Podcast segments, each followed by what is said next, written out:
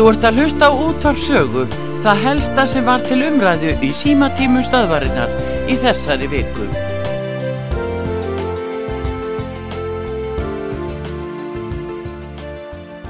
Gjörðu svo vel, hvað heitir þú? Já, góðan dag Sigurbjörg hér. Sæl og bless. Sæl, ég ætla bara að koma örstuðt af því að þú varst að tala um þessar, þessar sjálfsrannsóknir sem fara fram hér. Já, Það er þingið, hérna, rannsakaði sig sjálf, lífeyrissjóðunir uh, rannsakaði sig sjálfur. já, Samherji sáum eigin rannsókn, já, fekk nos, norska lagmanstofu til að rannsaka máli fyrir sig. akkurat, og svo er knaspirnu samband Íslands með áfríunadómstól. Já, já. Er þetta ekki, er þetta eðlilegt? Nei, það, það er nú, eh, frá þjóðveldisöld hafa menn sagt, engin er dómar í eigin sög, er það ekki rétt? Engin er Jú. dómar í eigin sög, en menn eru svona smánsamlega að víkja frá því megin prinsipju, Já. því miður. En en hvað er eiginlega stórt dómskerfi, uh, já, dómskerfi sambandsins? Þeir Er eru, það áfríðuna dómstóls, er það þá líka dómstóls og en, en, uh, en, er mikið lögfræðingabatteri í það í gangi? Ég, þeir, ég, ég veit ekki hvort að þeir eru að koma mér finnst engilinett að svona íþróttasamtök þurfu að hafa afskipt af sakamálum eða meintum sakamálum eða hvað finnst þér?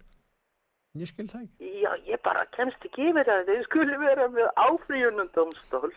Já, já. Alveg- En er það ekki bara- bara varðandi innri málefni einhver innri málefni félagsins?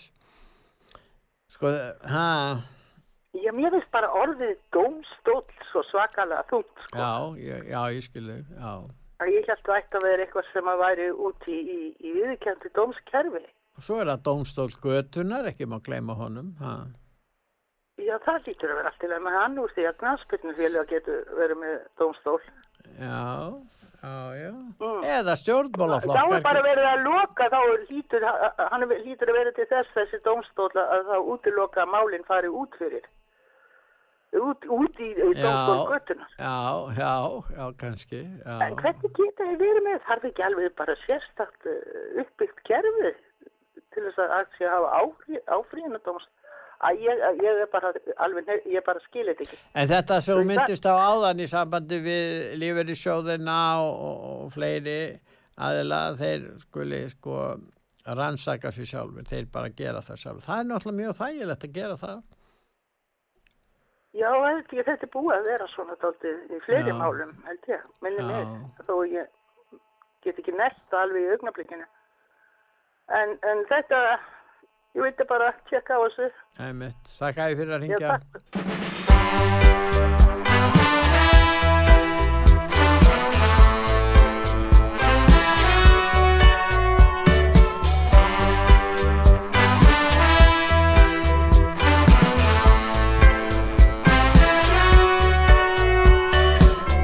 Hann stimplar sig út í helgina og smellir bindin af hálsinum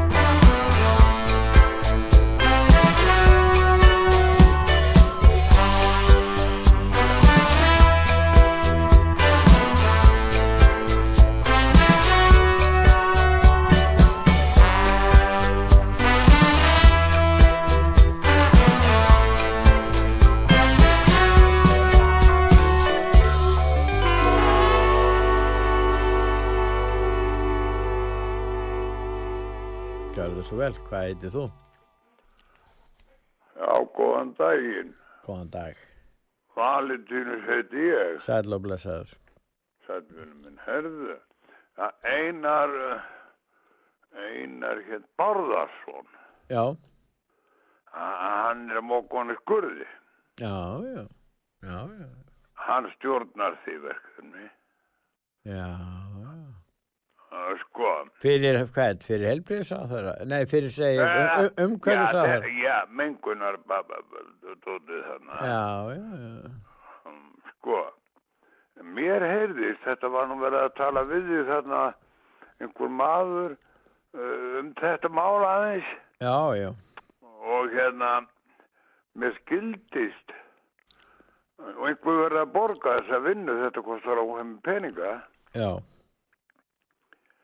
Nú, uh, ég, mér skildist að það veri seldur mengunarkóti til þess að fá í greiðstu fyrir þetta. Er þetta rétt? ég bara veit það ekki. Nei, ég held að við þurfum að vita. Já, já, ég er saman því, en, Svo annað í sambandi við þetta. já, Sko, hver metur í hvaða skurði á að móka? Mm, Ég heyrði smá sögu. já, Ég er nú ættu að fyrir því já, og hérna á gamla bæin minn sem ég fættur þar var gamalt skurður um, um einhver 50-70 metra.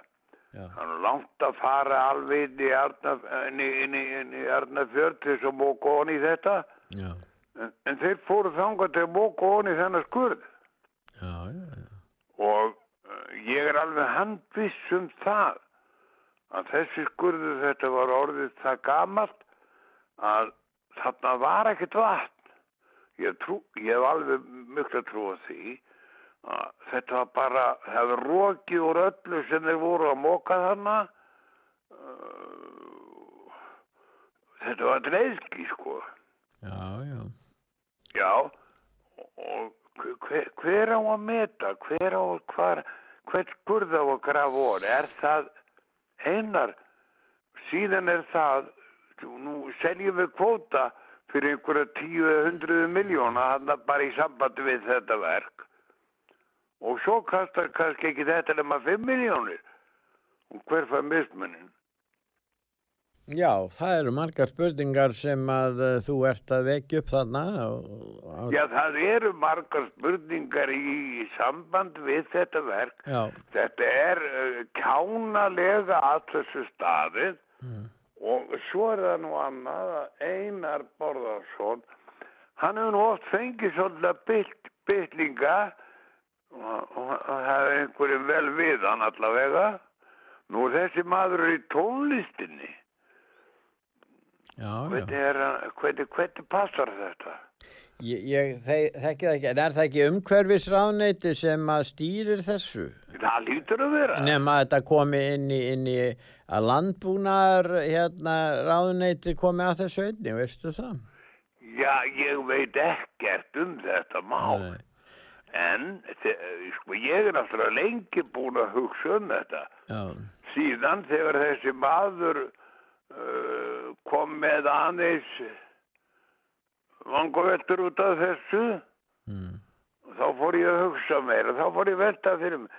Og mann langar, og síðan er annað, að það er aldrei, nú á þetta vera mikill hagsmunir fyrir okkur að loka þessu. En það er ekkert talað um þetta. Það er ekki komið, kemur ekki einu sinni fréttamind nei, það er... frá aðtöfninni. Já, Ha, sko, þetta er allt svo lokað þannig, þetta er eins og þetta sé bara gert í skjóli myrkus. Ég fatt ekki þetta. þakka ég fyrir að ringja. Þakka sömulegis.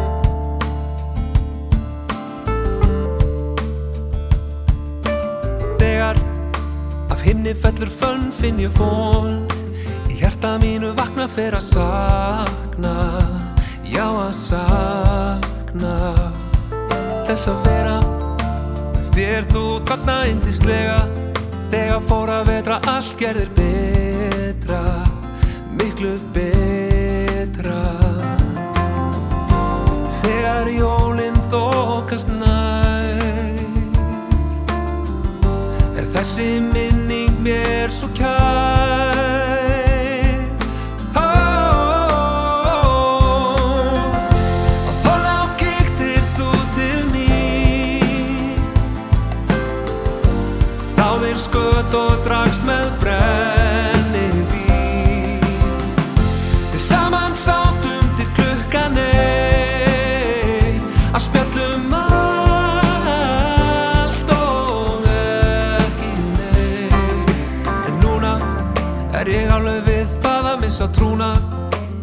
hef ekki séð þig svo lengi Allt of lengi. Ég vona að þetta verði ekki alltaf svona. Ég verð að sjá þig aftur Sjá þig aftur. Þegar jólinn þókast Er þessi minning mér svo kær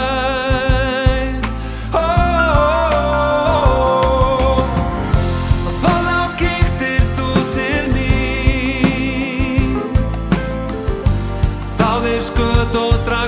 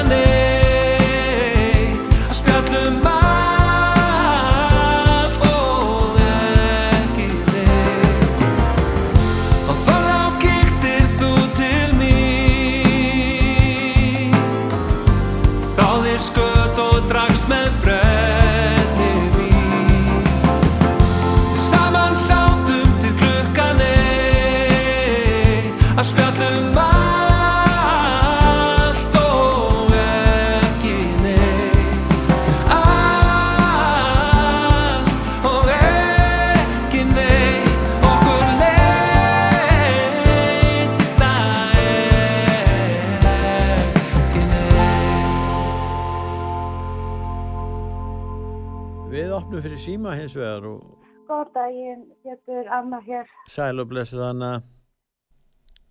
Já, ég heyrði mikið er maður orðin þreyttur á að hlusta á allt sem það er rangt talað. Hérna, David Martin, þú veist hvað hann er, er það ekki? Ég hef heyrt um hann, já, já. Já, hann er með patentið af koronavirunni, eigandan. Já, Já, ég hvet ykkur vil endilega að Artur og þú skoði nýjustu vídjóin frá Steve Peters og Jane Ruby og segi hlustendur frá því. Við skulum fara að tala rétt að skulum hægt að kalla þetta bóluefni.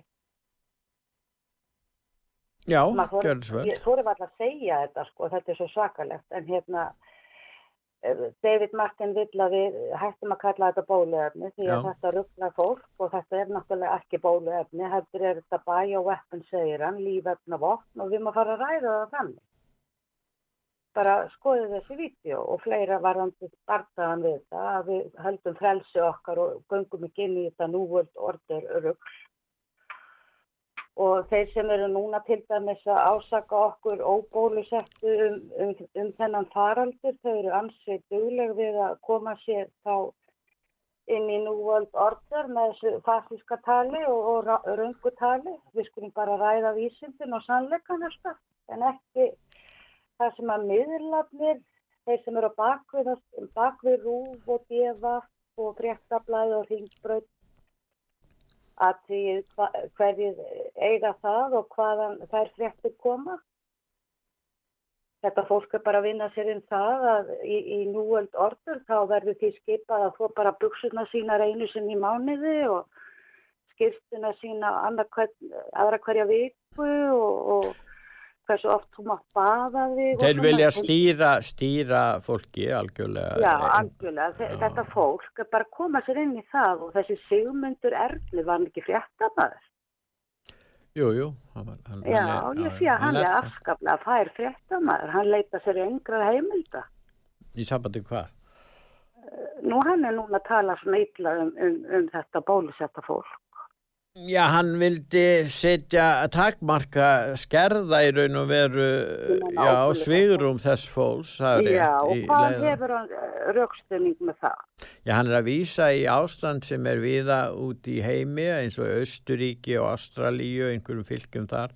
Þannig að það hefur gengið hart eh, fram til þess að, að taka á þessu segir þannig. þannig Hann er að vittna í ekki sannleika. Já, hann getur náttúrulega vita ef við tökum sem dæmi, það er rétt að, að ástand til dæmis að í Östuríki og í Ástralíu þá er gengið, hann er bara að vísa í það sko, en Já, hann með spurningin eigum við eitthvað eitthvað að fara eftir því sem þeir gera það Ég er að segja það, hann er að vísa í það sem eru rángar aðgerðir. ekki finnst, honu finnst það ekki vera rangar að gera, það er það sem er Já, en hann hefur nefnilega ekki kynnt sér máli. Þeir sem eru að tala svona hafa aldrei kynnt sér sannleika. en það eru fjölmargir Tala- Anna, ég skil hvað átt við, en það eru fjölmargir í samfélaginu sem vilja herta, að taka uh, frelsi, útiloka fólk af einsum ástæðum. Þessi, þetta er að gerast bara hjá okkur, ekki, þetta er ekki bara ákveðni Bara stjórnmálamenn, alveg. heldur ymsir aðri sem vilja gera það og útiloka menn, ef þú hefur ekki hérna réttu skoðun, þá er þetta helst að fara í fangelsi. Það, það er þetta sem er og það er ákvæð um það. Þú getur til dæmis verið dæmt fyrir það sem kallað er hatursáróður, það er að segja að ef hatri beinis gegn stefnu sem að valdamenn hafa, þá bara eitthvað þvíunlíkt, það er til alls konar leiði til þess að hefta, það er þetta að útiloka fólk frá vinnu vinnu, það er hægt að reyna að beita domstólun gegn fólki, það er hægt að beita jafnvel ákæruvaldinu, það er hægt að gera svo margt gegn einstaklingi, þannig að Ég veit, hann er haldið í þetta skefju. Pétur. Já, hættulegt, þetta er það sem er að gerast og ekki bara út af þessum faraldri. Þetta ger, gerist að mörgu leiti.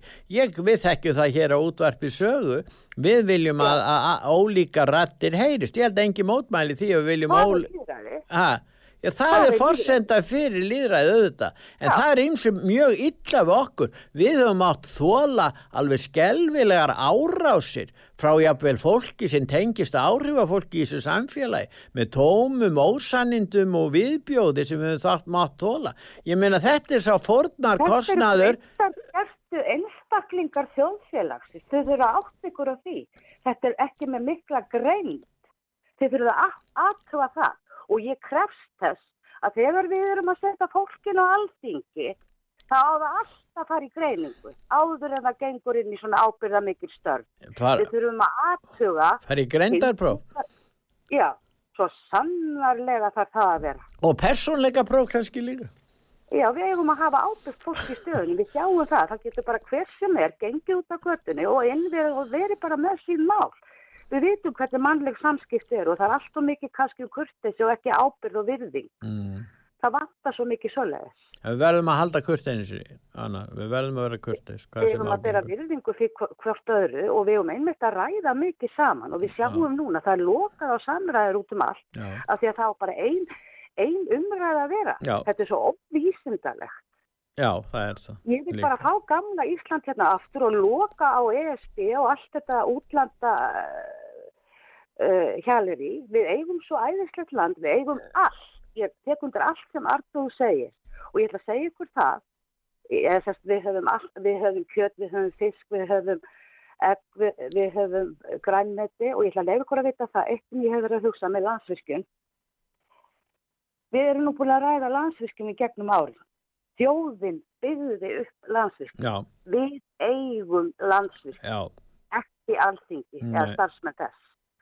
Þeir eru líka bara í vinnu fyrir okkur og þeir eru að sína ábyrg akkvart okkur, ekki öðrum löndum. mm. Við erum ekki starfsmenn fyrir Kína að rensa hjá þeim með lofslagsmál og annað.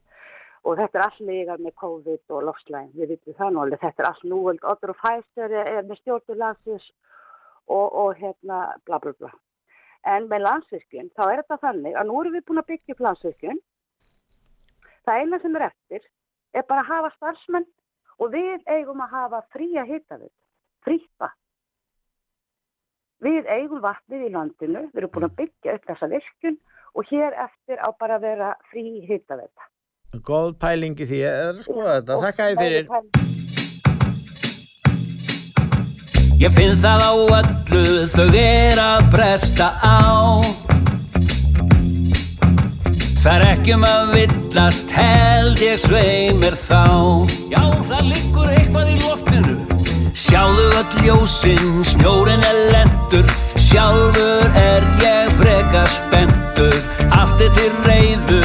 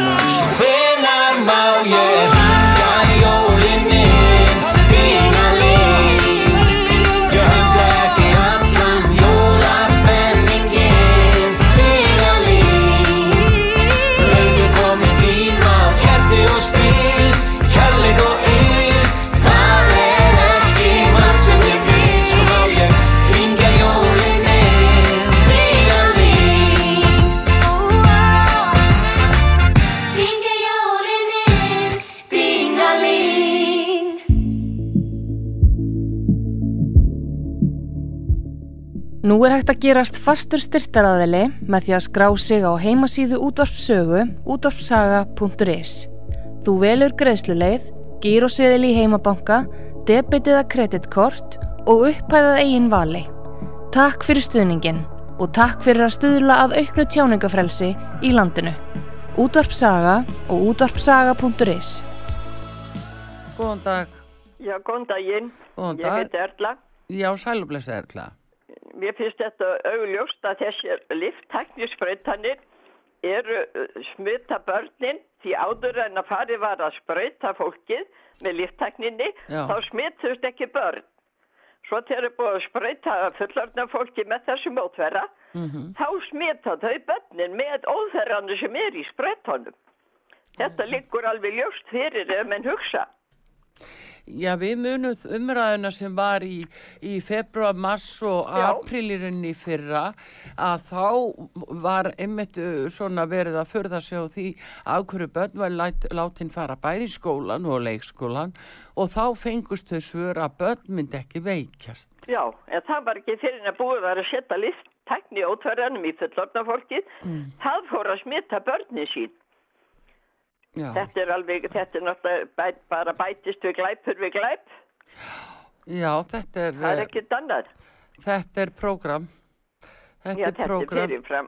Og við skulum bara muna það að tala um lifttækni sprautur en ekki, ekki bólusetti. Þetta er bóluefni, bólusetni, Þetta er eh, þetta er ekkert bóluefni svo við þekkjum það. Þetta er, já, hvernig stendur á því líftaknisbrötur. að þetta, þetta lofslags væna fólk sem að gapir þarna í ríkistjórninni, akkur er það ekki að ramaspílu? já, Var ekki Katrín sett á sjömanna bíl með, með tveimur eða þremur pústursrörum, þeir eru allir með svo, sko efluga bíla, að þeir komast upp í held í þúsunda fyrstu sekúndunum, já, það þá er svo. þarf ekki að spara. Já, er það svoli? Já, akkur er þau ekki á ramaspílum? Ég er nú Það saman að því. og hverju getur þetta fólk er þetta svo miklu versalingar að geti ekki kersi í vinnuna? Nei, akkur, held nú að ef akkur fólk lappaðu geti ekki ekki? komist í vinnuna þá var ég ekki vinnu hægt. Akkur lappaðu ekki í vinnunni? Já, hvað lappaðu ekki á? Eða hjóli? Já, Þú getur verið að hlaupa hjóli. já, já, já, já, hérna, já, sko þú það er alltaf verið að, að gera uh, það sem eru neðstir seka um glæpi toppum, toppumanna. Það er verið að koma glæpnum frá þessum yfirstjættar aðli yfir á þá sem eru á botninum. Já, Þetta er alveg ótrúleg stjórn. Þetta Já. er einræðis peningastjórn. Mm, já, ég veit ekkert hver stjórnar hér núna. Það er peningöflin. Já, Þeir er búin að gefa sér peningöflunum vald. Hvað heldur þau segi, eigi orðið á tortóla þessi sem að dansa best með, með peningöflunum? Mokkinum ekki, hann er nú konu á dúsu hjá ríkistjórninni mm, já, og og sem sagt eh, hérna útgerðar aðallinn, hann er komin með mokkan og dúsu hjá ríkistjórninni. Hjá henni þarna, jú, það er náttúrulega, mentamálar á þeirrannum. jú, jú, þetta er og, náttúrulega, og fréttablaðið það er líka komið á dúsu útgerðar, nei hérna bankaræningarnir eru komið líka á dúsu Já. eða er það Helgi Magnússon sem að rekorda núna já, ég vil nú Mark- ekki, Mark Millari. ég vil nú ekki Það- kalla hann, ég vil nú ekki kalla hann bankaræningja, en... nei, eh, hann er þá dús, hann er á dúsari En það er eitthvað alveg rétt að uh, þessir stóru miðlar sko, þeir eru, uh, þeir fá úr ríkisjóði, já, já, 100 miljónir já, hátt í það það allavega. myndir nú margur vera ánæði með það Já, ég já, að þú eitthvað er- myndir nú munið það ef að ég fengi svona Já, já, ég held að, en sko stefnan er þessi. Sannleikurinn hefur alltaf átt erfitt uppdráttar í veröldinni. Ekki síst ef að bæði nazismi og kommunismi kemur saman í þessu fólki og þá heitir það NASCOM. Ég er búin að segja það í fyrra. Þetta Já. er NASCOM sem stjórnar okkur. Já, Þegar þú búin að það. bæta þessu saman þá verður ekki góður útkoma. Nei, það er nefnilega það. Heyrðu, þakka þið fyrir þetta, Já, Erla. þakkaði fyrir. Já. Og all góðu þetta er nú endilega spilan hann hérna Bjartmar og öllu. Uh, já, Svo flott lög. já, við gerum það. Þakkaði kærlega fyrir takk, ykkur fyrir hérna þessa stöð. Hún Ta- reyla heldur lífin í manni. takk fyrir kærlega.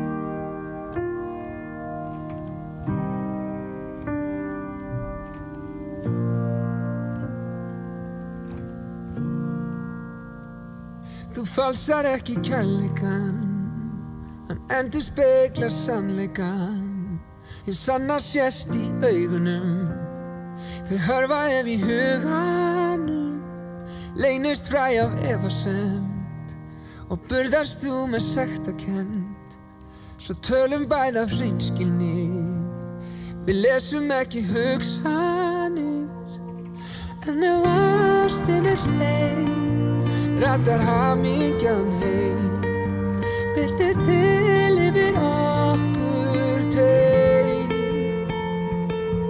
Já, ef ástin er heim Þá er aldrei of seint.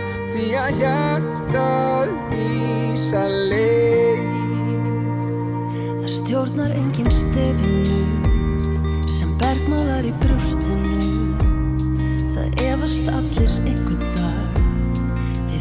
Bæði allt um það. Lofir þú að hlusta á mig? Augliti til auglitis, finnum við fríð og. Saman okkar eigin hljó. En ef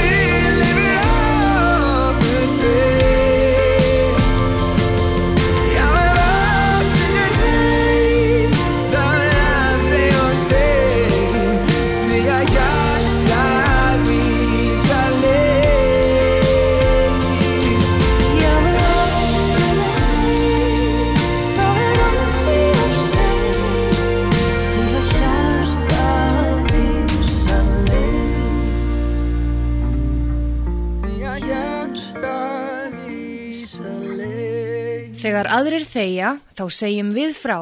Hlustaðu á stöðina sem varar við. Útvarp saga, þar sem þjóðin hlustar og talar 24 tíma á sólaring. Góðan dag, út að saga. Já, kom sæl, ég heiti Inga, Sæl Inga mín, blessuð. sæl.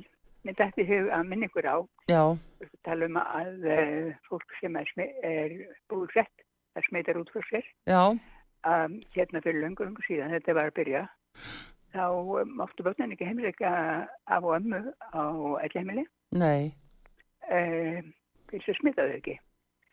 Svo var gamla fólki smi, uh, spritað, já, svo bara smitiðu börnin á heimsækja af og ömmu. já, já, Manstu til þessu? já, já, já, já, ég Já, já. til þessu. Nei, ég er bara skjóta sér netti þegar við verðum Já, að tala um en það er ágætt líka vegna þess að það er verið að reyna að sundra stórfjölskyldunni og já, þar að leiðandi er svo áriðandi að börn verði ekki sko hrætt á því að þau eigi ekki vera að heimsækja af og ömmu og eitthvað svona. Þetta er bara alls ekki rétt. Það á að láta börnin heimsækja af og ömmu og öfugt. Það á bara að stórfjölskyldan á að hittast, á að haldast í hendur. Alls ekki að láta sundra sér með svona hræðslu áróri. Og, og þeir vita í raun og veru ekkert um þetta frekar en bara ég og þú. Og, og ynga, meðan að annað er ekki sannað að börn sé að smita fullorni eitthvað annað. Hvað við að trúa þessu? Hvers konar bara tal er þetta? Við hlustum bara ekki á það. Þetta er þeirra enga sannani fyrir því og að börn mig ekki vera innan um fullorna og, og afa sínu ömmu, þetta er bara, eh, þetta er alveg neðan allar hellur. En þetta er partur af því að sundra fjölskyldum og við skulum ekki láta sundra okkur. Það er það sem við Íslendinga þurfum að passa, nummer 1 og 3, það er að standa saman, ekki láta sundra okkur. Horfum í gegnum þetta, sjáum hvað þau eru, hvaða áraður er í gangi, en látum ekki sundra okkur, ekki fara að drottna og deila ymbirðis, ekki gera það. Þeir sem að hugsa sjálfstætt þeir finna gegnum þetta. Já, gegnum þetta. það er málið. Ok. Takk fyrir fyrir. Já, já, blessuð.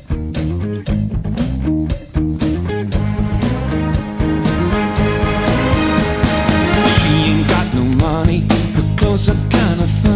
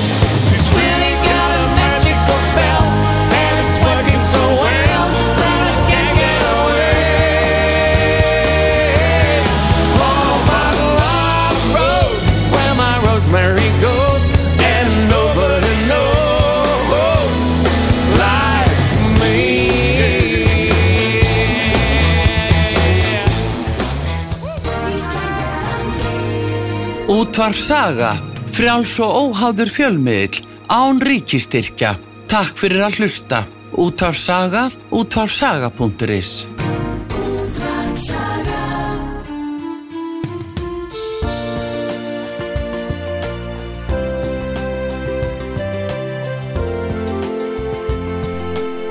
Þú ert að hlusta á útvarf sögu, það helsta sem var til umræðu í símatímum stöðvarinnar í þessari viku.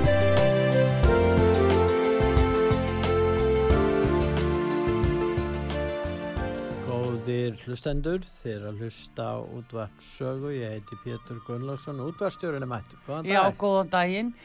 Hvernig hafið þið það í dag? Svona í upphæfi viku? Já, ég var að sjá það núna í frétt að, að 11 smittast af COVID.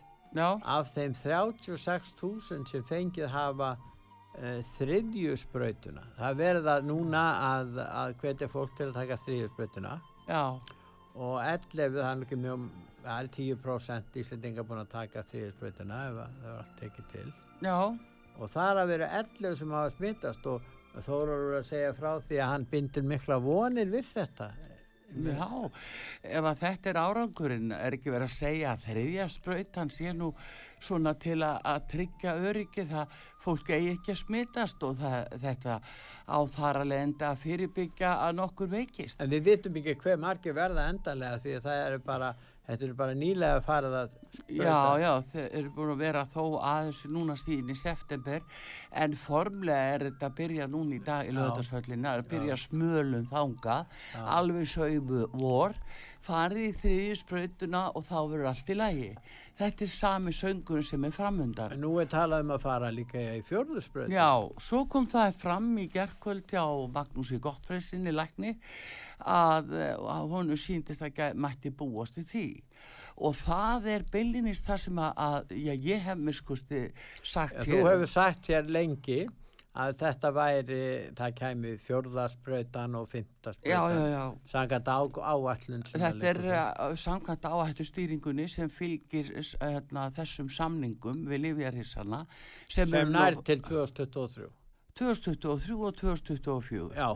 og þetta er það sem er falið fyrir íslensku þjóðinni. En þá verði þetta sjö sprautur í allt. Já, þannig að inn í þessari tilraun, Já. því að þetta eru tilraunalaun, liv og uh, þau byrtast svona, svo er okkur sagt að, að nú sé þetta, já, það, við þurfum að fá þriðisbrautuna og allir í þriðisbrautuna og síðan koma börnin, nú verður það það næsta og síðan kemur fjórðasprautan. Þau er að setja þetta inn núna og ég minna á það að fórsetistáþurra sagði frá því í byrjun sumars að hún væri búin að tryggja 1,4 miljón skamta á Ísland fyrir árið 2022. Þannig að heldur fólk virkilega núna að með þessari þriðjusbrötu að þá sé það laust allra mála. Það held ver, verður sprauta allt næsta á. Og við, e, við, bara búum, við bara búum okkur undir það. Það er sama efni í þriðisprautunni eins og í fyrstu. Já, já, þetta er gamli fæsir, gamla fæsir. Og verður það áfram alveg... að það skal ég ekki segja um en það samkvæmt lótunúmurum og framleyslunúmurum sem eru að koma að þá hérna gæti orðið einhver breyting því að það er ekkert víst að þessi eh, efni dugi núna næsta ár og 2023, ég er ekki viss um það. Þeir eru að þróa sig áfram vegna þess að við skulum ekki gleyma því að í samningi Evrópusambansins við eh, Livja fyrirtækin Pfizer, BioNTech, Moderna, AstraZeneca og Johnson Johnson að þar kemur fram að þeir gera þetta í þeirri von að hugsanlega eitthvað efni, eitthvað þeirra geti skilað einhverjum árangri. Þannig að þeir eru einhver, óvissu ferð. einhver tilraun takist. Einhver tilum takist, eða takist þokkalega og svo framvegis. Já, Þannig að þetta er þessi sko livtækni liv sem þeir eru að prófa á mönnum núna. Þetta er ekki eins og gömlu bólusetningarnar sem að við öll þekkjum hér og erum vön að fá og börn fengu miskunnulegst og allt það. Það var allt annar skonar efni, það var þá veiklu veira sem var gefin í þessu próteini sem við þoldum vel en núna er ekki um að ræða veiklaða veiru í þessum tilraunum heldur þetta í gerfi veira sem er búin til og, og, og gæti verið úr erðabrettu efni að einhverjum hluta. Og þetta er það sem að, að fólk þarf að fá að vita um. Og ég sakna þess svo eins og bara samanberð það að Magnús Gottfriðsson læknir sem er í fréttum sjónvasi gerkvöld alveg frábær maður, frábær læknir. Að akkur var hann ekki spurður út í þetta? Eru þið ekki trættir að prófa líftækni líf svona fyrst á, á, á fólki lifandi mönnum? Eru þið ekki trættir við þetta? Og, og láta þessa menns sko útskýra hvað þetta er. Þessi stað er bara sagt nei, nú tökum við lögðarsöllina og nú er bara á að fara að móka alveg, þetta er bara eins og rollur í rétt allir í sprautuna, allir í lögðarsöllina allir í En þeir segja að, að sko önnur sprautan uh, hafi verið að veikjast, það þurfi að, að fá þriðju til að halda þessu gangan. Já, en Pétur, sko, manstu í april, mæ og júni í vor, hvernig þau letu? Allir í höllina, allir í höllina. Veistu, það var bara ungi menn og, og gamlir og bara maður sá fólk bara það, það hljóp til að ná í, í, í setnisbreytuna svo kölluðu af því að það átt að bjarga öllu. Svo bara dugar það ekkert. Er það eitthvað að duga núna? Það verður reyna að segja okkur það að þetta að, hérna, virki þannig að fólk veikist minna. Hvað vita þær um það? Þeir vita bara ekkert um það. Geta þær eitthvað mælta? Ekki sýnist mér það. Hvað eru það rannsóknir? Akkur sína er ekki þessar rannsóknir sem þeir, kalla bara þessi rannsóknir sem sína það? Hvaða rannsóknir? Og það er þetta sem er svo alvarlegt að, að skul ekki byrta þær rannsóknir sem þeir telja sig hafa. Með þeir byrta það ekki, almenningi, þá ber að líta svo á að þetta sé ekki rannsakað í raun og veru. Þetta Það er ekkert leyndamál ef þeir eru með slíka rannsóknir, þá er það ekkert leyndamál. Eh, Þær rættir eru farnar að heyrast sem vilja þvinga óbólusetta í bólusetning. Já, já, það eru Á náttúrulega... Íslandi. Já, á Íslandi, já, já. Þær heyrast þær rættir. Þær hafa ekki heyrst áður, ekki nema frekar, uh, já, ekki mjög háværar að minnskosti, en núna er þetta að breytast dálítið. Já, það er stefnan í þessu. Sko, þetta er ákveðin áætlun. Það á einmitt núna að byrja aðskilnaða stefnu á milli bólusettra og óbólusettra. Sem er hafin í Ástralíu. Já, já, og þetta er oktober, november, desember 2021. Þannig að það verður að reyna að aðskilja og sundra þjóðinni. Og það á að réttlæta sko refsi Heldur aðgerðir. þetta að fara eftir pólitískum flokkum þessi allskilnaðastefna eða má búast við því að það bara verði ólíkir eh, stjórnmálamenn í ólíkum flokkum? Ég held það nú svona í fyrstu umferð að það séu ólíki bara stjórnmálamenn og, og ég held að þeim finnist líka notalegt að vita til þess að það er að taka börnin líka og sprauta þeim og algjörlega óþekktu efni líftakni lifi á, á börn sem að er verið að nota á börn í fyrsta skipti. En hvernig á fólk eða sjúklingar eða hverju sem er Mm. bara almenningur að gefa frá eða, eða lýsa yfir að eh, upplýstu samþykk? Hvernig er það hægt? Þeir fá ekki tækifæri til þess vegna að það er ekki farið eftir lögum um klíniska rannsóknir og það er heldur ekki farið eftir lögum um vísindarannsóknir og er það það ekki- er farið fram hjá þessum íslensku lögum. En er ekki hlutverk vísindanemndar á, á, á, hérna, á þessu sviði? Ég hef talað Að koma fram, ég menn þetta er einmitt málefni sem þeir ættu þó hvaða skoðun sem þeir kunna hafa og að, koma þá með hérna, yfirlýsingu byggða á sinnferðilegum forsendum hvernig þetta ástand er og hvað er réttlætanlegt að gera í þessu máli? Ég hef talað við vísindaseganemnd og þeir sögðu þetta mál hefur aldrei komið inn á borð til okkar. Við höfum aldrei fengið þetta til Ef okkar. að þetta kemur ekki inn á borð hjá þeim, hvað Það farið fram hjá þeim. Það farið fram hjá lögum um vísindaransóknir á heilbyrðisviði. Það farið fram hjá rannsóknum um klíniskar rannsóknir. Þannig að það farið fram hjá þeim, Bellinis. En akkur er sætt að þessi vita, að vísindar á Íslandi sem er Lilja Alfredsdóttir Já. og hún ber ábyrð á þessu. Er það ekki nefndi sjálf sem ber ábyrð á Já, hún er áþurann En sem á hefur að hún eitthvað, getur þess. hún haft einhver afskipti af störfu vonað? Nei, hún hins vegar henni ber að það sé farið eftir íslensku lögum í kvívetna og, og á sambandi við vísindaransóknir á heilbriðsviði henni ber að sjá til þess að það sé uh, farið eftir þeim lögum það sé ekki farið fram hjá þeim þau séu virt. Og það er ekki nóg að sitja hér á þeirra stól og segja ég hef ekki fengið að vita neitt ég frétti ekki þessu bara í heil tvö ár. Það er ekki svona mála komum núna að þeirra bara fréttir ekki af neinu. En þetta má vera algjörlega ljóst.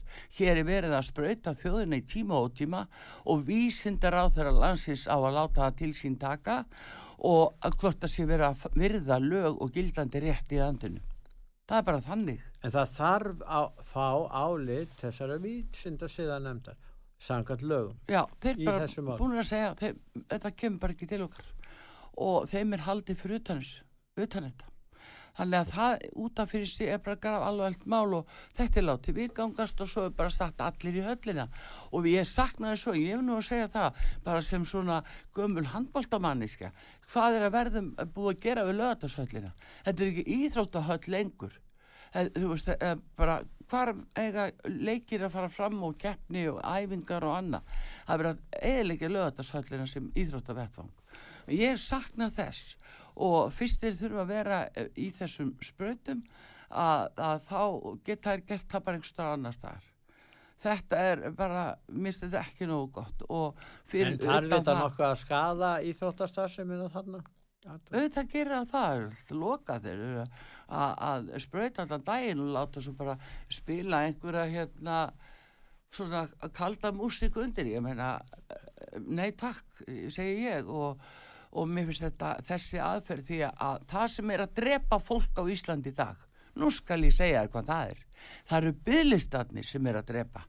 Byðlistarnir inn í helbriðiskerfið er að stórskaða fólk en ekki COVID það geta bara haft það þannig. Fólk kemst ekki rannsóknir. fólk kemst ekki rannsóknir það er bara byð og byð og byð fólk sem allar jafnvel í krabbaminsrannsóknir nei, bara byð og byð og byð það eru byðlistatni sem er að drepa og ég held að þetta helbriði sáneiti ætti að hísja upp um sig áðunum þeir sko halda áfram á þessari braut og reyna að læða þessari þriðju og fjórðusbraut í umferð núna og segja já það er svo margir smittar en hversu mikið veitir Auðlýsa í sjónvarpi að það þurfi ekki, ekki að býða með þetta. Því það verður svo erfitt, miklu erfiðara Já. eftir því sem tími líður. Mm. En þegar helbriðiskerfi dregur á langin að rannsaka mál og menn komast ekki að því að byggðlistatin eins og segir eru það langir. Já.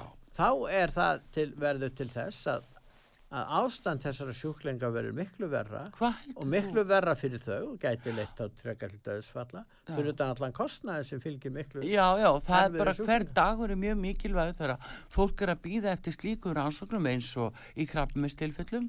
Þetta er alveg gríðalega mikilvæg hver dagur og að þau skul ekki, skul ekki hísja upp um sig og lagfæra þetta, setja COVID eitthvað til hlýðar, þetta teki COVID út af borgarspítalunum bara burt með þetta. Ha, geta ekki haft fleiri gjörgæstudeildir og verið búin að gera það eins og Björn uh, Sóðuka uh, fórstjóri Karolinska sjúkrahúsins gerði í Svíþjóð. Hvað gerði hann? Hann bara leið, hann fjö- fjölgaði bara gjörgæslurýmum út um allt en hérna þurfa læknarnir að arga sig að hása til þess að- fá lámas aðstöðu fyrir þessa eila einu gjörgæsludeild. Heldur þetta sé stjórn á þessum málum? Hvað er þetta fólk að hugsa eiginlega? Bara burt með þetta frá borgarspítalan til þess að þeir geti sint eðlilegri laknistjónustu og neyðartilvíkum og öðru slíku geta sett upp gjörgæslu deildir einhverstar annar staðar heldur ættu þá að fá lána hjá lífyrirsjónum frekar en að gausa þessu út úr landinu í, í, í formi einhverja grænna brefa Nú- Ég held það ef, ef að skorti fjármunni þá er bara að koma upp gjörgæsludeildum eins og skot fyrir hérna fólk og stoppa þessa bygglista og, og hætta þessu kjaftaði endalist COVID, COVID og smitt hér og smitt þar og hversu mikil veikindi eru þar. Við erum með skoðanakönnun á vefsíðun okkar út af saga.is á Svandi Svavarsdóttir helbriðsráðara að verða helbriðsráðara í næstu ríkstjórn. Já, við skulum bara hvetja fólk til að taka þátt í þeirri skoðanakönnun og við hérna uh, verðum með þetta í sólaring Já, verður til morguns. verður til morguns Settum hann einn áðan. Já, það er hins vegar, ég tel það, það er engi ríkistjórn hérna, ekki, þetta er bara ófremdar ástand. Já, ríkisstjórn, er bara- með mjög takmarkað umbúð. Já, og líka annað það að það bara lítur út fyrir sé skuggaríkistjórn yfir Íslandi núna, ellendis frá og þau eru bara að hlýða bóðum annar staða frá og mm, þetta er bara mjög ónótalegt verið að halda alþingi frá öllu og, og þetta bara er graf alvarlegt mál en þau geta hissjað upp um sig og lagað byðlistan í heilbríðskerfinu og haft heilbríðstjónustuna sko í lægi að því leitinu til að þetta snúist um eitthvað annað en eitthvað COVID-smitt það er bara er þannig. Og þeir halda jafnvel í að þetta getur orðið uh, framtíða flensa. Að þurfa að bólist þetta fólk á hverju ári, hverju ári, þetta verður bara framtíða flensa.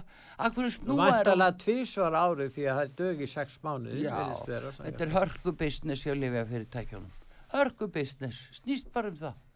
Þannig ég ætla ekki að segja mér að núna en ég varpa þessu til hlustenda og ég byrð hlustendur að hugsa mjög alvarlega út í það sem ég er að segja núna þetta getur bara að samráða mér. En ég bara er að hugsa og skoða þetta út frá gaggrinni hugsun. Takk fyrir mig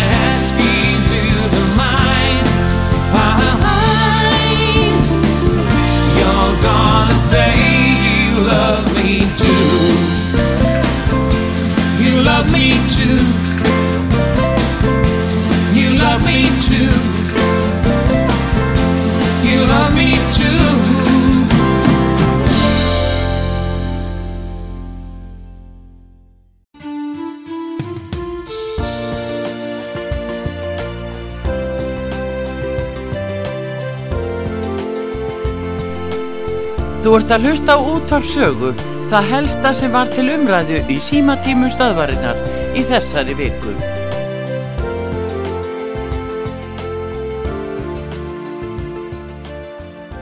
Gjör það svo vel.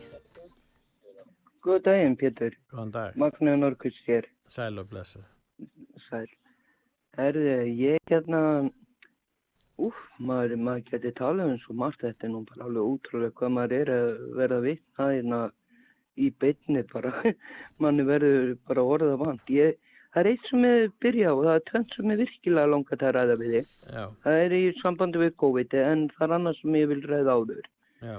Það er hérna, sko ég að því að nú þekki ég ekki reglurnar og er ekki eh, lögfræðingur og, og eða í stjórnmálum í neinu Nei. og mér langar að vita hvernig stendur á því að ríkistjórnin og uh, hérna þeir sem fóru þarna á ráðstöfnun í Glasgow að í umboði hverra voru þeir að fara.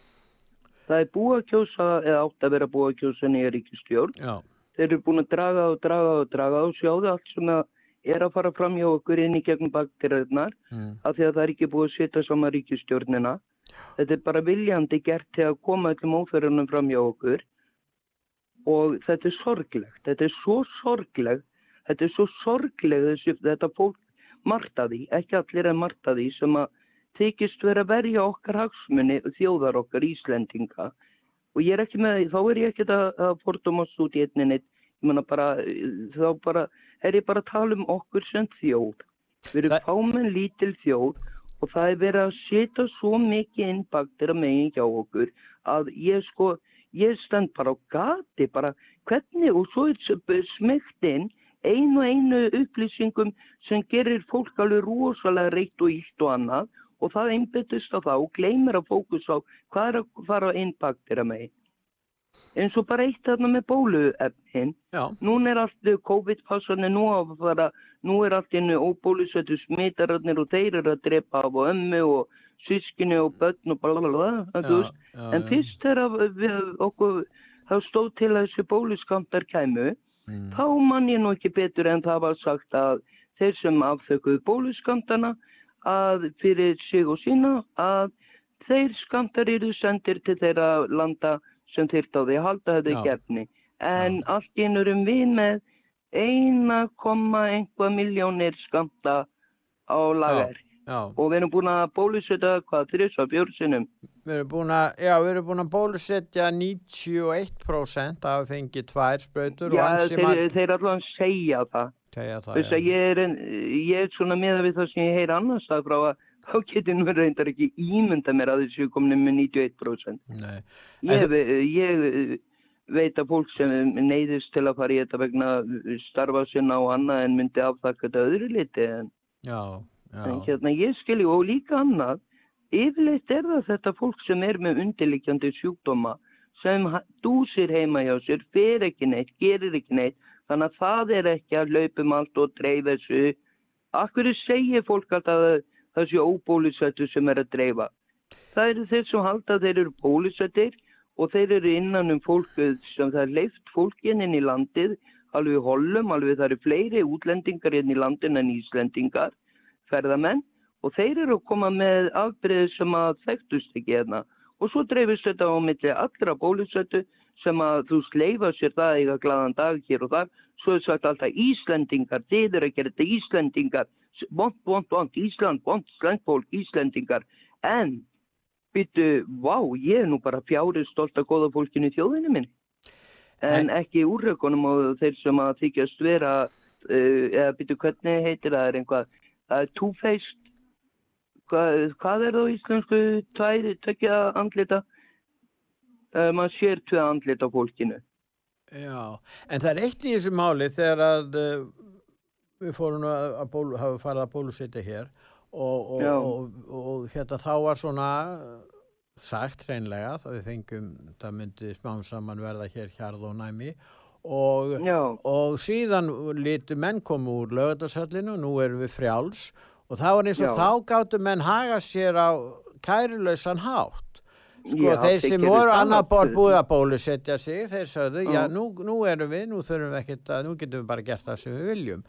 En skilur við þannig að það er vandamáli, þeir áttu til dæmis ekki að halda því fram að, að þeir sem fóru í bólusetningu uppalega og voru í bólusetningu, þeir áttu að virða sótt, persónulega sóttvarnir eftir sem áður.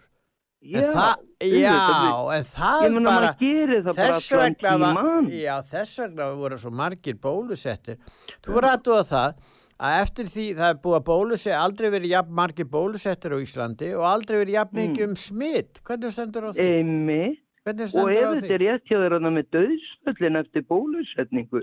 Já, hjá mér, ég var að lesa þessar Það er tölur. Ég var að lesa þessar tölur og ég verðum að reyna að fá það að vita hvað er, hvað, fá Já. þetta staðfestar tölur. Það verður gaman að vita. Já, það var bráð nöðsynlegt Það að er vita. fróðilegt, það er endur ekkert gaman við döðan og, og, og, og það- þennan sjúkdóm og, tala nú ekki um ef þetta er gert af mannavöldum að því að máli er að það er eitt sem að mannkynni verður að gera sér grein fyrir. Það hefur ekki guðlegt vald. Það hefur það bara ekki. Fæðu aldrei mun ekki geta fæðingja. En það skilur það ekki bara því með sumir að þessum lúðulökkum sem að, að þykist vita allt og geta allt. Og alltaf ég geti bara fara að ruggla í öllu bara, uh, já bara fokk upp í öllu saman. Uh, þe- þetta mun þurfa að laga þetta einhvern tíman og, og hvena sem það verður gert í, í einhverju framtíða að þá munu einhver yfirvöld aðri okkur umturna öllu saman og byrja upp á nýtt. Þurfa að byrja alveg upp á nýtt, upp á nýtt. Það fá það að góða uh, uh, hjá okkur. Og eins og með dýrin og annað. Auðvitað átt að vera góði við dýrin alltaf sem smátt er. Ja. Og líka bara fólki við hliðina.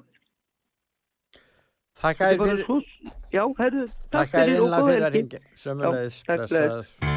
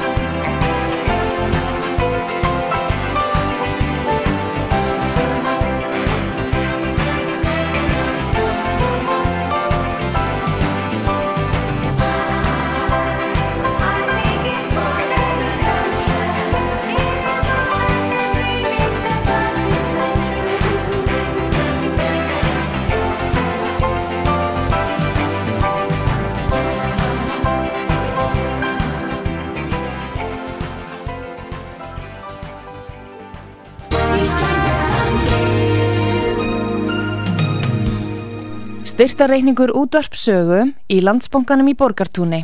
Útibó 133, höfubók 15, reikningur 10100. Nánari upplýsingar á útvarpsaga.is. Takk fyrir stuðningin. Gjörðu svo vel. Þú- Hvað heitir þú? Já, já, sællega blessaður, Jón heiti ég Sætla blessað, já. og þessi Pétur að þegar sko vísindarlegar rannsóknir sem þú ert að lesa á netinu Mm, ég las Sko- enga, já, ég Nei, ekki að lesa þú, um nei, ekki þú, nei, ég verð ekki að segja að þú ert að gera það, ég Já. hafa þess sem er hringin sem eru Já, já. vi- vitna, vitna í það sem er eh, rannsóknir. Já. Sko, strákurinn minn þegar hann var í háskólanum, hann var í námi sem tilheris uh, heilbreyðskerunum Já. og hann þurfti að fara og lesa anskis uh, greinar og Mm. hann fór á netið sem á í þetta vísindarlega greinar ég, og þá fór ég að tala við hann já, já, það er hérna vendulega grein, hann sagði pabbi sko, vísindarlega greinar það eru mertar ákveðið en svo er hellingar af vísindarlega greinar sem er ekki vísindarlega ekki neynur rögt fyrir, bara þvætningu þetta er ekki vísindarlega rannsóknar greinar það, það eru mertar með ákveðnum uh, heiti. Ég man ekki hvað það var, ég bara get ekki farið með það hvað, það var- hvað var? Það segir Alla þeir vísindarlega greina sem ég þarf að lesa eru mertar þessu, þetta eru há, ment, að sko þetta er bara greina sem eru örugar, sko, sem eru komnar frá réttum aðlum. En allt hitt sem er, er, er ekki mert þessu, það er órögstutt. Það er ekki vísindarlega. En nú er þeir ekki alltaf sammála vísindamennir. Nei, nei, nei. Þær eru svoleiðis greinar, þær eru, þær eru ekki alltaf saman en, en hérna, það sem hann var að lesa um, sko, það var sambandi við það sem var staðfest og var á, á Já, var það sem er staðfest, það er ekki staðfest í langan tíma, svo koma nýjar upplýsingar, nei, ný þekking já. og svo framist. Þannig að það er Já. alltaf að breytast en, en hérna, auðvitað er rétt, menn svona, það fara ákveðnir aðlar í sérfræðin ám og þar rannsaka er ákveðis við veruleikans lítinn hluta og eru Já, vel já. að sér í því og betur að sér í þessu eldur en leikmenn og þannig þróast þetta já. og auðvitað þekkingin sem- en, en þar með því það ekki að, að menn sé ekki að til dæmis tökum hagfræðina hagfræðin Já, já, er já. tal, talin vera vísindakrein þú veist Jú, að vel að jú, jú. stjórnmálin snúast aðalum það að menn er að rífast og gaggrina um það hvaða stefnumenn er að taka í efnahagsmálum, er það ekki rétt? Já, jú, og jú, þá komum við, hárrétt, sko. já, þá komum við að hagfræðingunum og þeir vilja fara Já. sumir, sumir vilja auka eh, ríkisafskiptin, aðrir vilja draga Já, já. úr, aðrir segja við þurfum ekki að greiða niður skuldir strax, við þurfum bara að dreifa þessu lengur, aðrir segja það þurfa að gera það til þess að, að draga úr, úr vöxtum og vakstahækkun.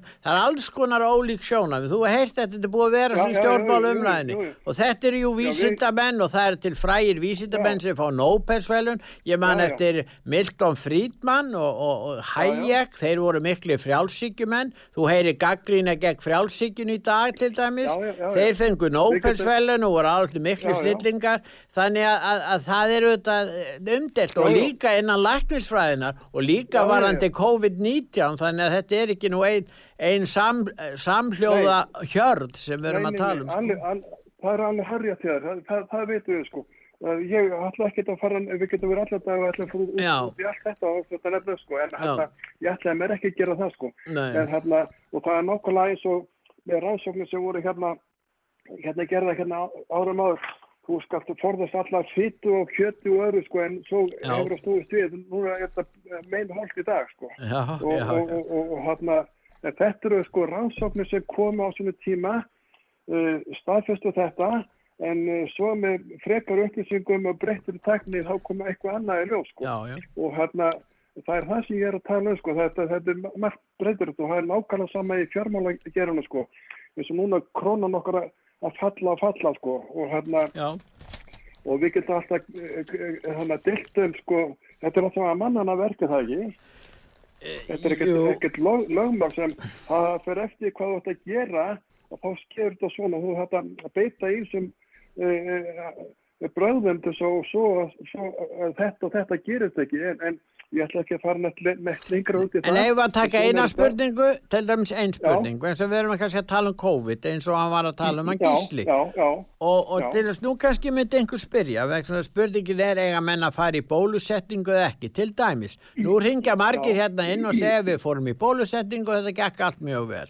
Já. sem hafa gert það, þessi gísli og keli og þú og kannski fleiri og allt og, segja, og þeir segja Já, bara já. þetta gekk vel. En þá kannski spyrja aðrir, vilja spyrja sérfræðingana, er óhætt að fara í bólusetningu? Af hverju eru hafa 143 einstaklega verið lagðurinn á sjúkrós vegna aukaverkana í kjölfur bólusetningar? Er, er það Já. út af því? Er þetta satt? Er, er hvaða aukaverkanir tengjast bó, þessum bóluefnum sem, eða efnum sem hafa komið frá þessum lyfjafyrirtækjum út á COVID og fá allar upplýsingar um það, þú skilur hvað ég er að fara Já, og þá er þá þetta, eðlilegt já. að spyrja um þetta Já, því að það- þeir það- segja já. að menn séu hrættir kannski að fara í bólusetningu er það ekki vegna þess að það hefur ekki komið skýr svör frá þessum aðilum, sérfræðingum sem við segjum að, að hérna eru svona meiri hluti þeirra inn á þessu hvernig maður er að heyra um þetta atriði Já, já, já. sérstaklega Ég er alveg, alveg samanlega sko. Sko, á sér, þetta er heimsfaraldur sem við erum að breyða skjótt við Mm. út af því sögu liðafyrirtækin, við erum stutt á og við komum að rannsaka Já. þetta Já. en þessu efnir er komin þetta langt við getum ekki tekið ábyrð á því við getum stept út, af markaðin við tökum enga, marka, eh, enga ábyrð á því. Já. og svo er að tala um að íþróttamenn sé að detta niður hingað og þangað út af hjartastokku öðru. Já. þeir hafa nú gert það svona í aldanar ás rétt. og, og, og það var ekkert COVID og engin, engin Nei, en það er spurning hvort að og þetta þarna- sem er að gerast og- núna tengist því. Hann Já, sko, þetta er sko svo víðtæk rannsókn sem við þurfum að fara í og hún kemur ekki á morgun. Og, og, og nei, úr henni. Og, og þetta er bara spurningar sem við getum alltaf vel, velt fyrir okkur og, hérna, og þetta sé eitthvað ban eitrað, ég er alveg á móti því. Ég er sjálfur búin að fá hjarta vöðabólgu og það var ekki á lungu áður í þegar kóðspröðuna og, og hérna og, og þetta með svo en svo allir benda á fyrst okkur ekki skrítið að allt þetta helbriðiskerfi okkar það leggst á hliðina þegar, sveitja menn leggjast inn út á COVID. Þá verður hjarta dildin og allt saman bara lokað, allt stopp.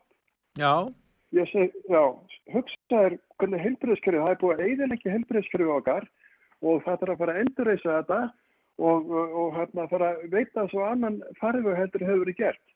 Og við skulum bara fara aðtóa það sko, þetta er orðið mjög alvarlegt mál hvernig heilbriðskerfið okkar er, er hérna á Íslandi. Ég borgaði hérna inn á, sjúkrasálansbókina mína þegar ég var að vinna þegar ég var krakki.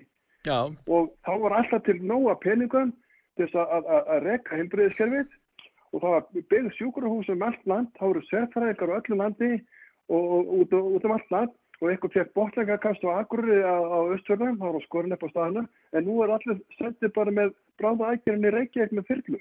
já, Þetta kostar eitthvað. já, já. Svona er þetta komið í dag og þetta, eru, þetta, heil, sko, þetta var byggt upp heilbreyðskerfið á óbentuðu fólki, að lítið mentuðu fólki hérna den tíð, en það er hámentaðast af fólki sem búið að rífa þetta og þæta niður og gera þetta á engu. Þetta er orðið óvirt í dag og, og, og virkar ekki. Við erum svo allir ekki að hafa þetta næst mikið lengra, en það er gaman á umræðinu hjá okkur og ég segi bara takk fyrir mig og ég er bara góða stundir. Þakka þér fyrir að ringja til okkar. Já, já takk fyrir bless.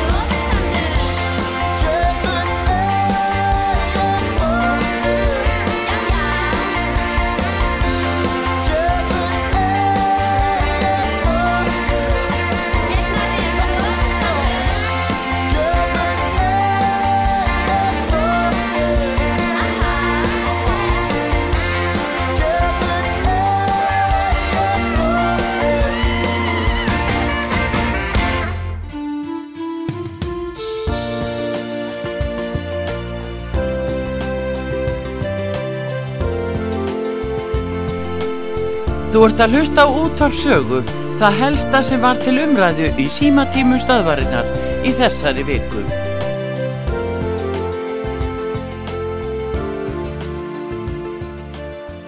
Góðir eh, hlustendur, er að hlusta á útvarpsögu. Ég heiti Pétur Gunnlaugsson og útvarpsstjórin er komin til okkar. Já, góðan dag. Góðan dag. Heyrðu, hvað segir þið gott uh, þennan morgunin? Við segjum svona þokkaleg. Já. Það er verið að svona ræðum það hvort að, já, það er að uh, hafa einhver áhrif á fólk og er svona að beita einhvers konar þvingunum til þess að uh, fólk, eða þeir sem eru óbólusettir fari í, í bólusetningu og hvort það sé, sé fyrir réttlætanlegt að, að beita slíkum þvingunum. Já, þú mennar. Já, það er náttúrulega þessi aðskilnaða Svo erum menn að tala um Já. tölurnar í þessu og hvaða upplýsingar við fáum að ganga að og hvort allir vísindamenn eru sammála svo framvegis. Já, en sko það eru auðvitað mjög skipta skoðanir en aðalmálið er auðvitað að þetta að, að eh, það er verið að, að keira á aðskilnaðastefnu, það er verið að reyna að skapa uh, uh, já, uppþótt og óanægu og, og leiðindi á milli fólks verið að kljúfa þjóðina í rauninni í óbólusetta og bólusetta og það er verið að búa til minni hlutahóp eh, með því að gera nú eru svona. bólusettir sem að vilja ekki að vera sér að þvinga óbólusetta.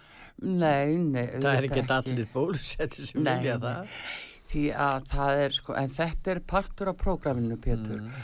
Og uh, við sjáum að það er verið að gera þetta í, í öðrum löndum í kringum okkur því að það er verið, þetta er þessi heimsvalda stefnu, þetta er partur af því sem þeir eru að gera og uh, þá er, þarf að aðskilja þá sem að eru ekki sprautaðir og því að þeir eru að láta gefa út núna þennan bóluefna passa.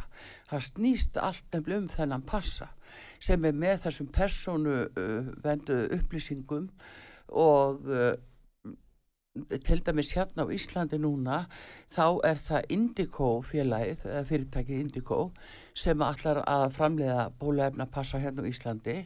Og Indigo er gamla IBM fyrirtækið sem að sendi yfir til kynverja þeir kiftu Indigo.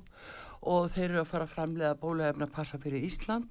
Þeir eru líka fyrirtækið Tölvutek fólk svona átt að sjá hverju þetta eru og, og passarnir eru búinir til í samvinnu við hú þannig að þetta er sko, þetta er allt fyrirfram ákveðið það á að búa til þennan áraður Hvað kemur fram í þessum passum? Jú, það er sagt, þetta er vegabref á milli Já, landamæra eins, all, alla þær upplýsingar sem koma fram í vegabrefi koma Já, fram í þessu. og það er aukurskiptinni, það eru Þessum passa. Og alls konar eh, svona persónlegar upplýsingar Helsufars upplýsingar í þessu. Já, inn, inn í, í, í bólusendingapassanum og þó að þetta séu upplýsingar sem eru mjög uh, hérna vendar samkvæmt persónuvendar lögum. Þetta er mesta vend öllu uh, af öllu er uh, heilsufarsum upplýsingar þar. En þær eru inn í þessum passa þannig að allir eiga að vera með passa og þetta er líka til dæmis eh, þú ert að, að ef þú ætlar að fá að kjósa þú ert að sína passa að þá sínur þú bóluefna passan ef þú ert að komin á kjörstað En en, en sko þú ert að tala um helsufar, eða ef Já. einhverjum er sárasótt, Já. kemur það fram í passanum? Já, vantilega gerir það það heilsufars upplýsingar En talandi um þetta var það ekki mitt sótarnalækni sem var að tala um hvað væri mikil aukning á, á, á Sárasótt? Jú, Íslandi jú, núna. verulega. Það má nú aðeins spyrja um það að eh, ef á að fara að holfa niður eh, til dæmis óbólusetta að hverju fá þá þeir sem eru með sárasótt að nota alminningssalerni Já. það má alveg byrja að holfa þá niður á Það fleiri eru alls stöðum. sjúkdómar eins og eins og livrabólga sé Já, já. Það er alls konar svona að sjúkdómar menn sem smitt- fara þangað, sem geta verið smitandi og, já, já, já, ef þeir vilja fara þangað Já. og uh, sko vegna þess að, að þetta er bara allt annað prógram sem tengist bara þessum sprautum og sama hátta nú erum við að tala við þriðjusprautuna og við erum líka að fara að tala um fjörðusprautuna og hver skildi hafa trúa þessu fyrir sex mánuðu síðan fólk var nú aldils ekki tilbúið að trúa þessu en þetta er veruleikin núna er verið að segja bara blákalt við okkur já við fáum þessa örfun en hann örfur að skamt og þá skulum við sjá hvernig það verður nú ekki allt í lagi. En ég meina eh, það, það verður áfram fjórðasprautan, fymtasprautan, skilur þetta er, er bara prógram sem við verum sett inn í en það er bara ekki verið að segja frá því. En þeir sem að sjá í gegnum þetta og líka gleymum ekki þeim sem af heilsufars ástæðum get ekki þegið svona mRNA bólaefni eh, þetta líftækniefni að þeir eru meðhöndlaðir sko bara eins og óþættur ormar og mér finnst það að vera eða til skammar sérstaklega heilbriðistarsmunum sem tala um óbólusetta eins og óþægtar orma þegar það er til fólk svo sannlega sem getur ekki farið í þessar spröndur af heilsufarsástæðum. Þeir ættu aðeins að huglega það og það er mjög uh, sko uh, dapurt að sjá jafnvel eins og Sigurd Inga uh, forma framsunafloksin sem er að fara að mynda ríkistjón að hann er að tala um, jú, það er verið að ræða það að honum finnst að jafnvel í lægi að holfa og búi til minnulutahóp og holfa niður þá sem eru óbólusettir. Hvað er maðurinn að hugsa eiginlega? Þetta eru en, er, mannréttindum að gera þetta. en er hann ekki að endurspekla bara viðhorfið innan ríkisstjórnarna? Ég skal ekki um það að segja, ég er nú ekki alveg fann að sjá það en og ég bara trúi því nú ekki vegna þess að það er nú fólk það líka sem að gjör þekki maritinda uh, mörkin og veit vel að þetta má ekki og hérna en ég held að þetta sé eins og hvert hann að glópalán að missa þetta út úr sér fyrir hann sko ef hann heldur það að hann sé að þóknast einhverjum en hann er bara ekki að hann er ekki að horfa á þetta fyrir um að, fjöldan að hann til væri reyði búin að skoða það Já. að hérna, auka uh, möguleika bólusettra sem þýðir að, að minka vantarlega möguleika eh, hérna, óbólusettra í samfélaginu. Þetta er svona ekki alveg ljóst. Það að refsa þeim sem eru óbólusettir. Þetta Já. snýst allt um uh, refsingar.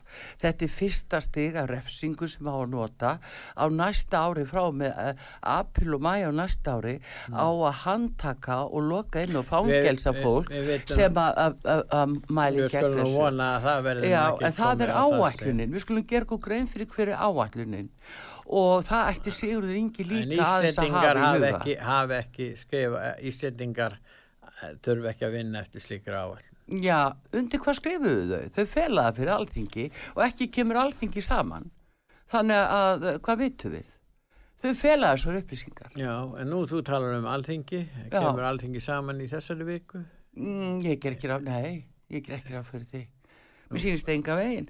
Eins og að massi bendi til þess að, eh, þessi nefnd sem að, eh, eh, eða undirbúinsnefnd kjörbrefa að hún sé klófin mér sýnist það og þá er bara spurningin sko hvernig það endar allt saman en hins vegar að þá eru bara liðnar eh, núna nýju viku frá kostningum og það verður að kalla alþingi saman takk. innan tíu vikna þannig að þau neyðast til þess að kalla þingi saman og gefa Já. og, og taka afstöðu til uh, þessa máls það verður kosið og um það og síðan þá valin og kosið fórseti þingsins og sem margt bendi til að verði Birgir Álmarsson og síðan verður þá eitthvað kosið í nefndir væntanlega og síðan þingi sendt heim því að, að það verður já, það verður ábygglega lítil umræð um fjárlögin. Já, það verður, verður nánast engin umræðu um fjárlögin. lítil örglega ef að stjórnarsáttmálin á að vera svona stuttur eins og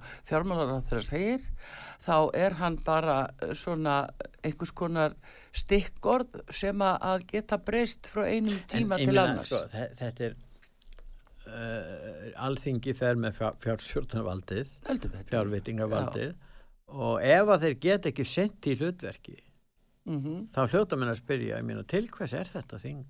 Til að staðfesta það hvort að þeir uh, hafni ekki ríkistjórn sem er, er hér til fyrir hendi, þeir ætla ekki að lýsa vantröst á sitjandi ríkistjórn.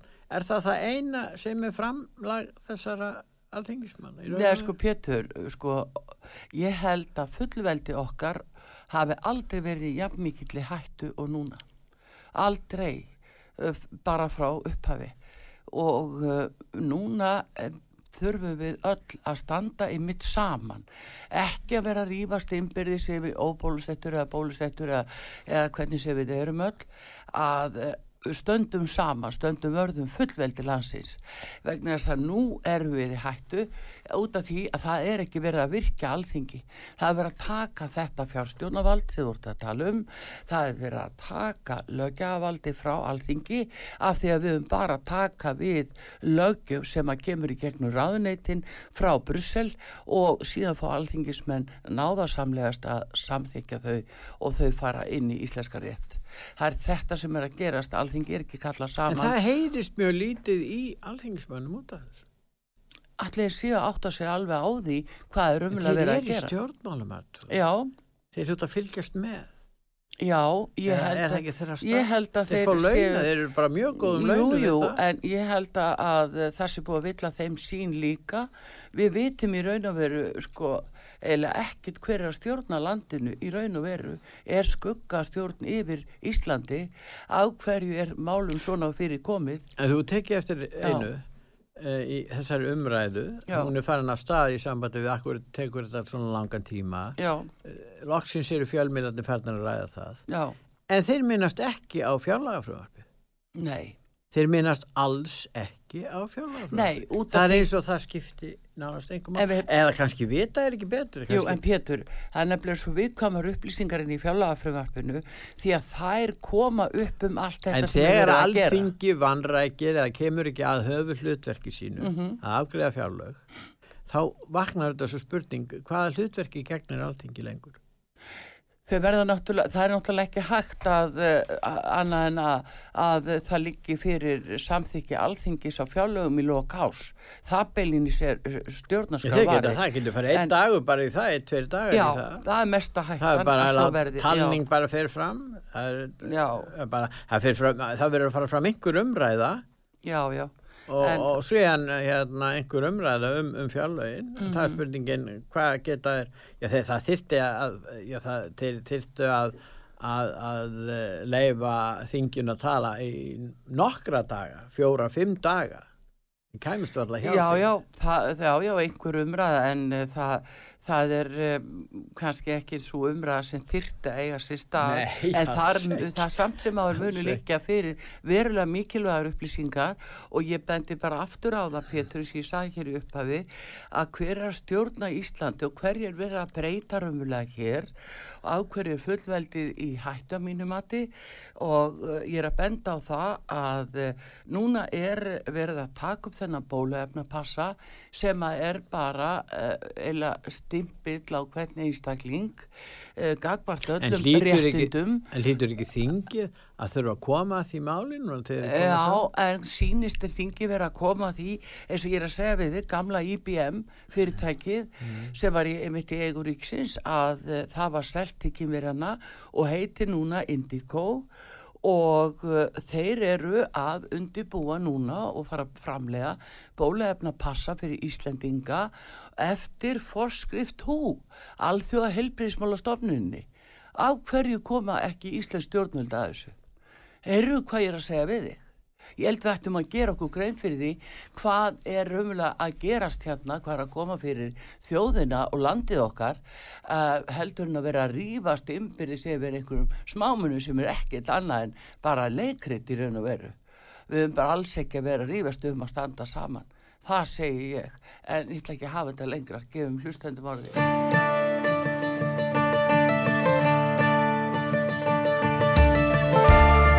Ég horfi út um gluggan minn. Í snjónum frosin slóð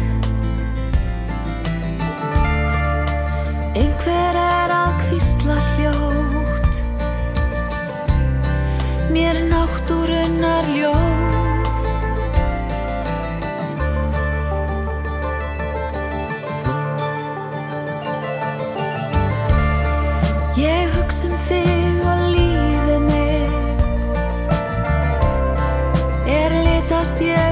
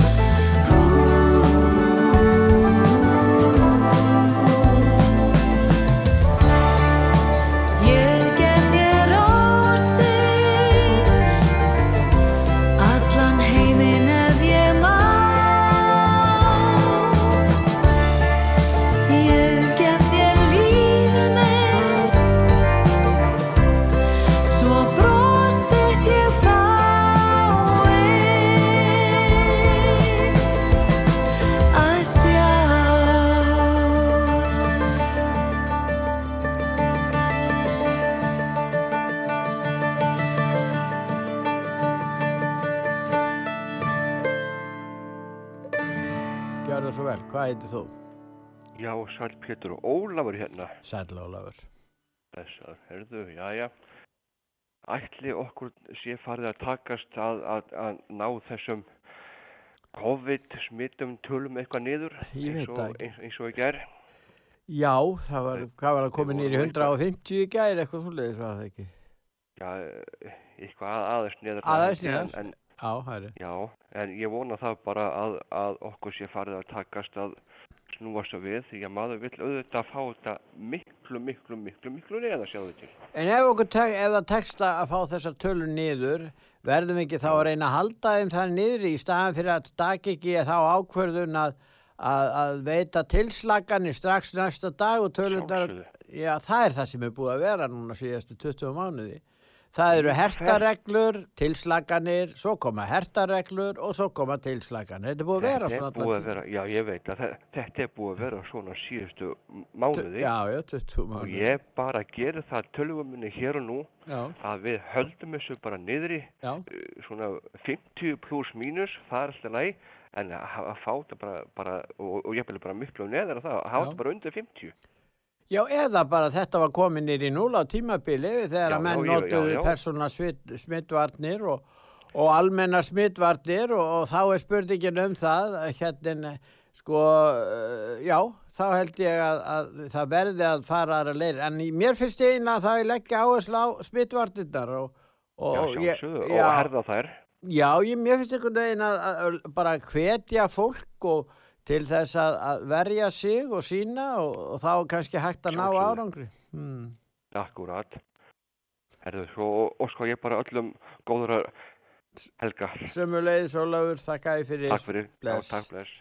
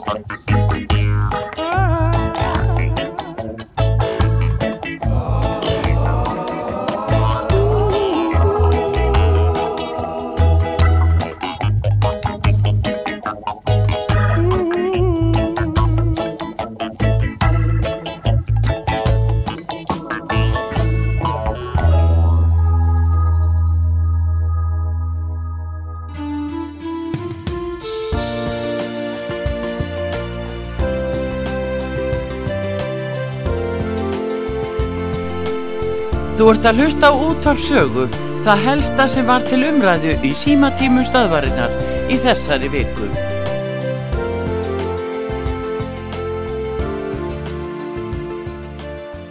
Góðir hlustendur, er að hlusta á útvarpsögu.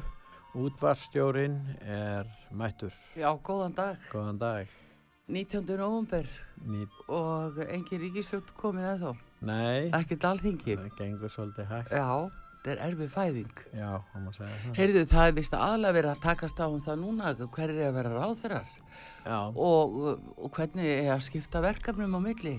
já, það er spennandi. Er, Já. ekki, er það ekki mest spennandi í þessu? Jú, það- Málefnin eru svona, að Nei, jú, jú, þau eru. Þau ættu að skipta mestu máli en, en kannski skipta ráð þeirra stólarnir meira máli. Já, annars er erfitt að fá upplýsingar um þetta, það, það er svona ekkert mikið sem að... En við vitum eitt, Já. Kristján er hættur, Já, Kristján Þór Július, sem verður ekki. hann verður ekki, við vitum nei, svo er talað um jafnvel að Áslu Arna verði ekki, þannig að það verður að finna einhvern nýjan þar og síðan er það í helbriðisráðundinu verið að leita að einhvern sem getur orðið og það Eða horfa... vill- eða vill verða. Já, og getur hugsað sér það. Já. En uh, hérna, En væri ekki hægt að fá bara einhvern, einhvern sérfræðing í heilbriðismál, það er hann endilega að vera á þingi, er ekki bara að fá einhvern e, fagaðila til þess að stýra þessu málaflokki. Væri það ekki... Ég, það er allavega búið að sína sig í ákveðnu verkefnum að það hefur tekist mjög vel það sem að fagfólkið hefur bara uh, komið Já. fram með uh, sínar ákvarðanir Já. og skoðanir Já. og það hefur verið farið eftir uh, þeim og það hefur tekist vel.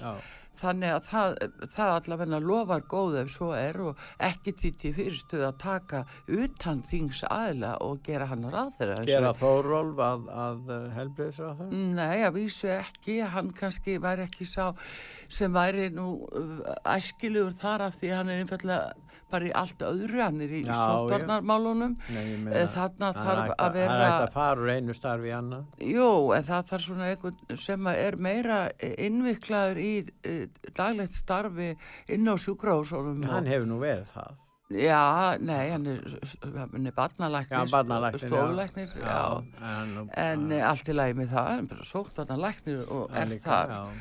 En hérna, það er nóg til af, af fólki sem, ekki títi fyrstu að fara út fyrir þessa kjörnu fulltrúa Já. og alveg heimil til þessa skipin í framkvæmdavaldi slíkan ráðherra. Það mætti gera það. En allavegna þá skils mér að það sé málið að, að sumi vilja sko hafa bara gulu og þóra áfram sem utarrikiðsáþara en það sé sótt mjög að framsókna Lilja Alfredsdóttir vilji fara í utarrikiðsánitið en gulur uh, talin jafnvel sá allra besti sem að gæti farið í heilbyrðisándið og hefur verið þar áður og staðið sér mjög vel og, þekkir þetta. En uh, þetta er vist máli og svo er spurning hvað verður þá um svandísi og ég ekki sagt þér það Pétur og bara öllum hlustendum út að sögu það að ég frétti ekki æra að það væri jafnvel líklegt að hún er gerða mentamálar á þeirra og fjölmilar á þeirra þannig að þú sér það, það verður allir það búið að loka öllunum og rúf bara á stuttum tíma, nei ég segi svona Já, verður fjölmiðlar á þeirra. Já, voru fjölmiðlar á það. Já. það væri þokkaleg en hérna en það, svona er nú í staðan og, og verið að reyna að púsla fólki hérna til og frá í stólana. Því að það er ekkert nóg að, að verið nóg þingi þetta er spurning hvort að fólk geti haft nægilega sko já, nægilegt þrekk og, og, og yfirsýn til að geta orðið ráðherrar. Já. Við vitum vel að það er ekkert sjálfkrafa einhver sem að, að já, lítur vel út þó að segja ráðherrastóli, það er ekkert í staðan geti verið ráðherra. Nei. Fólk þarf að kunna og geta. Hafa góða heilsu.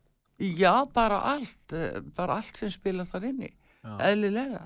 Já. Og hérna, svo þetta er nú vist máli og mér skilst þó að, að það er nú að hérna, reyna að ljúka þessu núna strax eftir helgi og, og allþingi verið kallað saman á hvað þriðdag og stefnur á þær, stefnur ræða uh, fórsettisáþara Verður- á, já, þriðdag Þriðjudag, já. já og uh, þá verður nú tilkynnt um uh, einhvern samning nú fjalla frumvarpi aftur á móti það verður ekki sínt á spilin þar fyrir í byrjun desember og þetta er Það verður fyrsti mánudagur í desember, er það ekki, sæði sjötti. Jú, og það er náttúrulega hugsaði fyrir alla stopnanir eh, sem eru háðar því sem framkymur á fjallum. Landsmenn allir. Já, og, og bara þeir sem eru að starfa bellins eftir því, Já. hversu marga starfsmenni eða bara með í vinnu á næsta ári og, og svo framvegis. Hvað fara miklu fjármunir í, í lofslags? Já, já, allir það sem sett í smáaletri.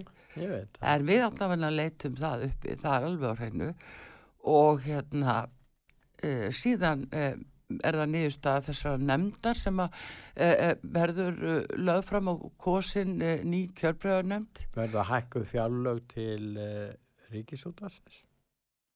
Nei, ég ætla nú ekki að hugsa um það, ég meiri á ekki bara af fjárlögunum yfir höfuð. Nei, ég bara tók sem Já, dæmi, já. það má nefna svo mörg atrið. Já, erum við bara að fara að horfa upp á meira tap Hvaða og- áhrif frjálega frumpi hefur á verðbólguþróuninu á næsta Já, ári? já. Hvað er gera ráð fyrir mikið verðbólgu í fjárlega frumpi? Það verður aðtiklisvert að sjá það. Já, það verður það. Og líka bara þetta með ríkisreikninga, hva, hvað á að fara þá bara frá því fyrra inn, a, á fjáraukalög. Hvernig það. hlutunum verður smekt tanga, það verður líka frólega lesning. Mm.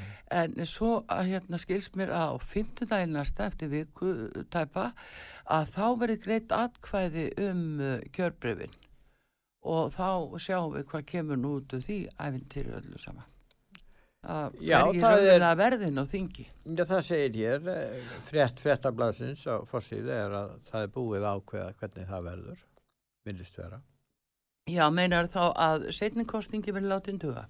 Já, Já. og það verða sjálfstæðismenn, framsóknarmenn og flokku fólksins sem að uh, samþykja þá tilhugun. Já.